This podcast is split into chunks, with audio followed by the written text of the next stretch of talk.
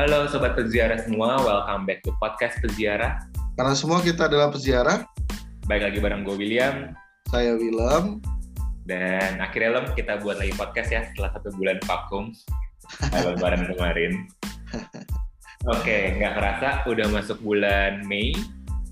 Dan bulan ini juga bulan khusus ya Lem ya, karena juga sering disebut sebagai bulan Maria. Iya. Boleh Lem ya. Nah. Karena bulan Mei juga didedikasikan untuk bulan Maria, nggak ada salahnya nih kita akan ngebahas juga kenapa sih bulan Mei ini disebut sebagai bulan Maria dan kemudian ada nih trivia-trivia atau fakta-fakta unik terkait dengan kaitannya antara Bunda Maria dan juga Indonesia yang nanti mungkin Willem akan jelaskan. Nah mungkin di awal Lem, Hmm. untuk membuka podcast kali ini gue pengen nanya kenapa Lem bulan ini bulan Mei didedikasikan untuk bulan Maria apa alasannya? Oke. eh, pertama kalau dilihat dari sebenarnya ada ada banyak eh, banyak hal yang membuat bulan Mei menjadi bulan Maria ya dan itu eh, semakin ke sini semakin dekat dengan kita tuh semakin banyak hal-hal yang kemudian semakin menguatkan eh, bulan Mei menjadi bulan Maria. Hal yang pertama sebetulnya bulan Mei menjadi bulan Maria itu eh, kalau kita lihat dari segi musim eh, karena gereja itu pusatnya di Roma gitu ya itu kemudian kan mereka negara negara atau wilayah empat musim. Nah bulan Mei itu kan eh, awal-awal apa kehidupan gitu ya. Setelah musim dingin kemudian bulan Mei itu udah musim semi gitu ya. Di mana eh, pohon mulai eh, bisa keluar daunnya bunga-bunga bermekaran gitu ya. Jadi beda banget suasananya. Nah eh, awal kehidupan ini kemudian dihubungkan dengan eh, eh, apa? Spiritualitas bahwa Bunda Maria itu adalah hawa baru ibu kehidupan gitu ya. Eh, maka awal-awalnya seperti itu. Nah eh, ini tradisi ini sebenarnya sudah muncul eh, kira-kira akhir abad ke-13 lalu kemudian di semakin dibesarkan oleh eh, kalangan eh, Yesuit tahun 1700 1700-an dan sebagainya. Nah, kemudian muncul sebuah peristiwa eh, di mana di tahun 1800-an eh, Paus saat itu yaitu Paus Pius ke-7 itu eh, ditahan oleh serdadu Napoleon dari Prancis gitu ya.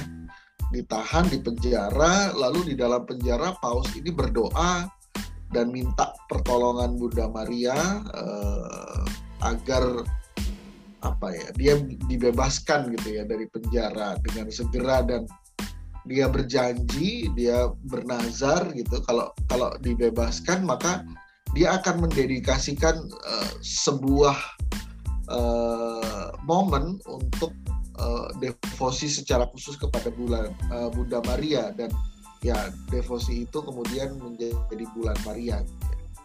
Eh, meskipun tidak segera tetapi lumayan cepat gitu ya lima tahun kemudian di bulan Mei eh, beliau ini dibebaskan oleh eh, dibebaskan dan bisa kembali ke Roma dan di tahun berikutnya beliau ini kemudian mengumumkan perayaan Bunda Maria penolong umat Kristen itu dibebaskannya tanggal 24 Mei dan kemudian ya inilah eh, yang kemudian memperkuat bulan Mei menjadi bulan Maria sesuai dengan janjinya Paus Pius ke-7 tadi ya.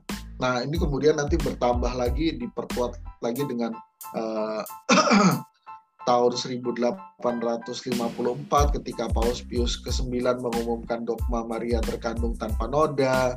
Kemudian ada ensiklik dari Paus Paulus VI tentang eh, bulan Mei gitu ya.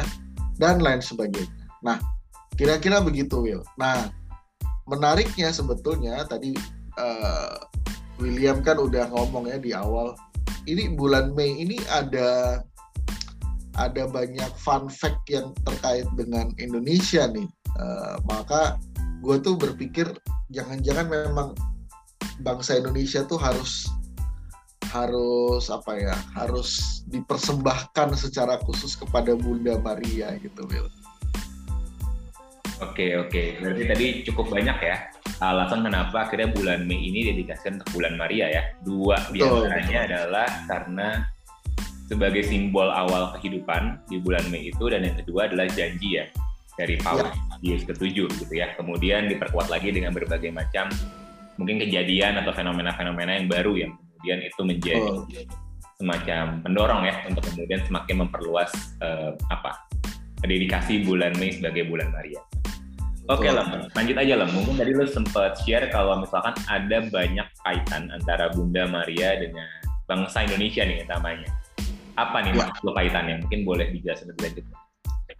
Nah, uh, tadi sosok yang sama ternyata ber, ber apa berpengaruh buat bangsa Indonesia ya. Uh, tadi kita bicara tentang sosok Paus Pius ketujuh. Nah, Paus Pius ketujuh yang kemudian uh, waktu itu memulai uh, menetapkan perayaan Maria di bulan Mei gitu ya, sesuai janjinya, itu adalah orang yang kemudian mendirikan Prefektur Apostolik Batavia. Peristiwanya memang uh, bukan setelah beliau dibebaskan gitu ya, tapi justru sebelum beliau ditahan. Uh, ya dia ditahankan tahun 1809.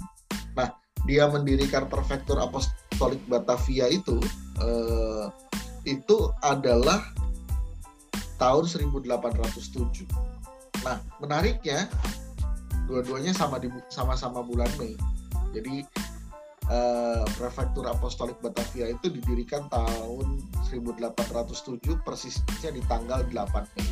Dan ini menjadi uh, tanggal ulang tahun untuk Uskupan Agung Jakarta sampai sekarang ya. Jadi kemarin 8 Mei itu uh, Uskupan Agung Jakarta umurnya 215 tahun sudah. Nah, jadi paus yang sama yang memaklumkan uh, bulan Maria gitu ya itu adalah paus yang sama yang uh, mendirikan Prefektur Apostolik Batavia. Kenapa ini penting dan gua ulang-ulang beberapa kali? Karena baru di titik itulah kemudian gereja Indonesia mungkin bisa dikatakan uh, mulai dipersiapkan untuk bertumbuh. Gitu benihnya sebenarnya sudah dari tahun 1500-an kan uh, tapi belum bisa ditata dengan rapi lah waktu itu kan masih misionaris datang dari mana aja gitu ya terus mungkin belum terkoordinir dengan baik. Nah kemudian muncul VOC VOC menekan gereja Katolik gitu ya selama bertahun-tahun gitu dari tahun 1600-an sampai akhir 1700 1700-an eh, itu VOC menekan jadi ada satu abad tuh gereja uh, bisa dibilang sangat teraniaya. Banyak imam yang mati dan segala macam umat dipaksa uh, pindah agama dan lain sebagainya. Nah, 8 Mei ini menjadi momen di mana gereja bisa mulai hidup kembali dan bukan hanya sekedar hidup, sudah mulai muncul struktur lah gitu ya Nah, perlahan-lahan kan kemudian lahir prefektur apostolik lainnya dan uh, bertumbuh terus gitu kan. Nah, uh, lagi-lagi orang yang sama nih yang uh, mendirikan prefektur apostolik dan di bulan yang sama. Nah, menariknya apa? Uh, ketika uh, prefektur apostolik Batavia didirikan, uh, gereja itu uh, pertama-tama tentu belum ada kan gereja resmi di di Jakarta itu belum ada. Uh, memang sempat dapat kapel darurat, lalu kemudian kena musibah kebakaran, akhirnya harus cari tempat baru. Nah, Eh, ketika mencari tempat baru ini dan kemudian menemukannya dan kemudian mulai membangun gerejanya, uh, jadilah sebuah gereja yang dipersembahkan kepada Santa Perawan Maria diangkat ke surga. Nah, lagi-lagi uh, kan ada banyak ya pilihan untuk memilih uh, orang kudus lainnya. Tapi kenapa Santa Perawan Maria diangkat ke surga gitu ya? Uh, yang kemudian dipilih oleh uh, para imam waktu itu, uh, petinggi gereja waktu itu, waktu uh, menentukan siapa nih orang kudus pelindung gereja ini. Memang di kapel darurat sebelumnya kan bukan Santa Maria, uh, ada alasannya tuh uh, pemilihan orang kudus waktu itu Santo Ludovicus pertamanya. Nah, kemudian diubah. Kenapa tidak lanjut Santo Ludovicus itu kan pasti ada ada ada pertimbangannya. Meskipun pertimbangan itu tidak pernah ketahuan sampai sekarang, tapi uh, gue jadi menduga-duga bahwa ya kembali lagi mungkin para imam itu ketika itu uh, memiliki apa ya syukur gitu ya kepada Bunda Maria yang menyertai uh, perjalanan Prefektur Apostolik Batavia ini sejak didirikan tahun 1807 di bulan Mei sampai kemudian uh, gereja itu tetap bisa bertumbuh bertumbuh bertumbuh memiliki katedral uh, memiliki gereja yang resmi gitu ya yang yang bisa digunakan untuk uh, bisa digunakan untuk ibadah yang resmi. Dan waktu itu uh, cukup terbantu waktu pendirian katedral itu karena uh, komisaris jenderal di Batavia waktu itu kebetulan berasal dari keluarga Katolik jadi sangat membantu dibandingkan gubernur jenderal gubernur jenderal di masa-masa sebelum atau sesudahnya.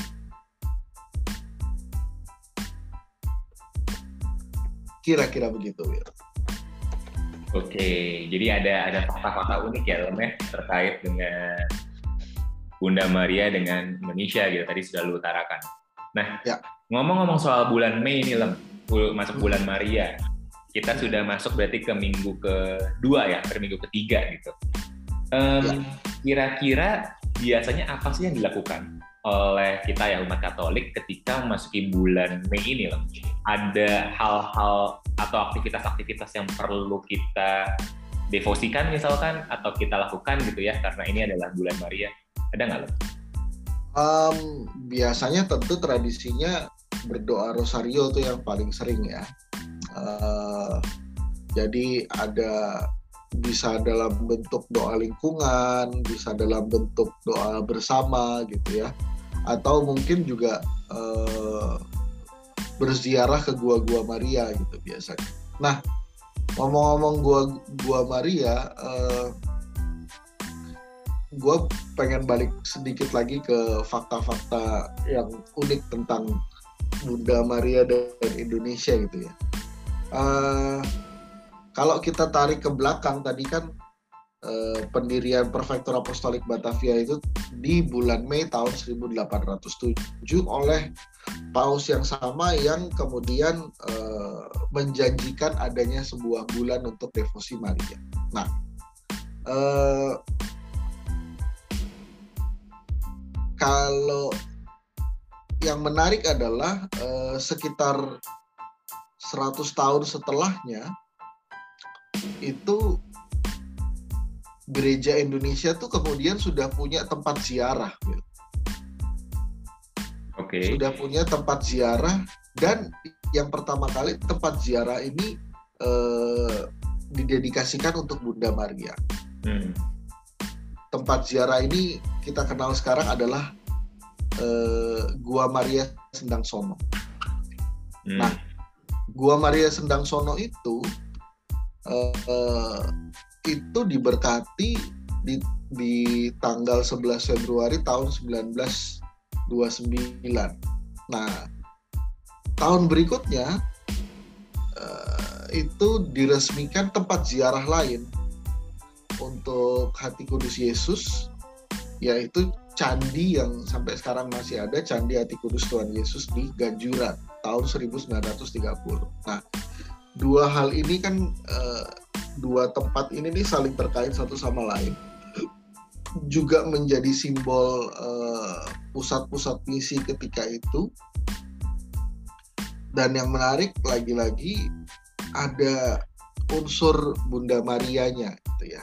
Uh, bahwa uh, umat itu kemudian memilih membuat tempat ziarah yang pertama kali untuk Bunda Maria karena uh, pasti ada kesan khusus gitu ya. Nggak mungkin tiba-tiba oh bikin aja Bunda Maria gitu ya. Nah itu itu yang menarik dan uh, keterkaitannya dengan ganjuran itu juga menarik ya bahwa di ganjuran itu sendiri tidak hanya ada candi anti kudus Tuhan Yesus tapi juga ada nanti ada ada pojok yang didedikasikan untuk Bunda Maria juga gitu. Gitu Will. Jadi ngomong-ngomong tentang ziarah ke tempat-tempat Bunda Maria, gue jadi inget oh ya ada satu lagi itu uh, fakta bahwa dalam sejarah tuh uh, devosi terhadap Bunda Maria tuh memang sudah sudah dekat dengan gereja Indonesia lebih-lebih uh, baru satu abad setelah uh, terjadinya apa pendirian prefektur apostolik Batavia udah ada tempat ziarah untuk Bunda Maria. Nah bahkan di tempat ini uh, di Sendang Sono inilah kemudian dahulu Romo Van Lith membaptis sekitar 113 atau berapa gitu ya orang Jawa, orang asli yang uh, mau jadi Katolik. Itu peristiwa yang jadi uh, penanda uh, hidupnya misi di daerah Jawa tuh, Wilson. Gitu. I see. Menarik, menarik elemnya. Tadi berarti ya. kita sudah banyak membahas ya seputar kenapa akhirnya bulan Mei didekatkan untuk bulan Maria, lalu kemudian kaitan antara bulan Mei, sorry, antara Bunda Maria dengan Indonesia, dan terakhir juga kira-kira apa yang bisa kita lakukan. Nah, mungkin ada lagi Lem, hal yang ingin lu sampaikan terkait dengan episode kali ini?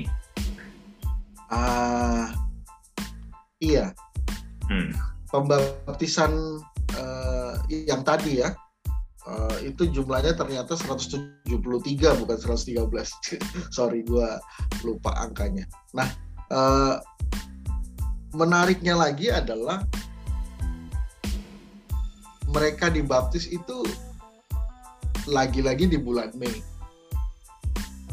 Dan tanggalnya persis itu 20 Mei 1904. Jadi ya hampir 100 tahun lah dari uh, pendirian Prefektur Apostolik Batavia.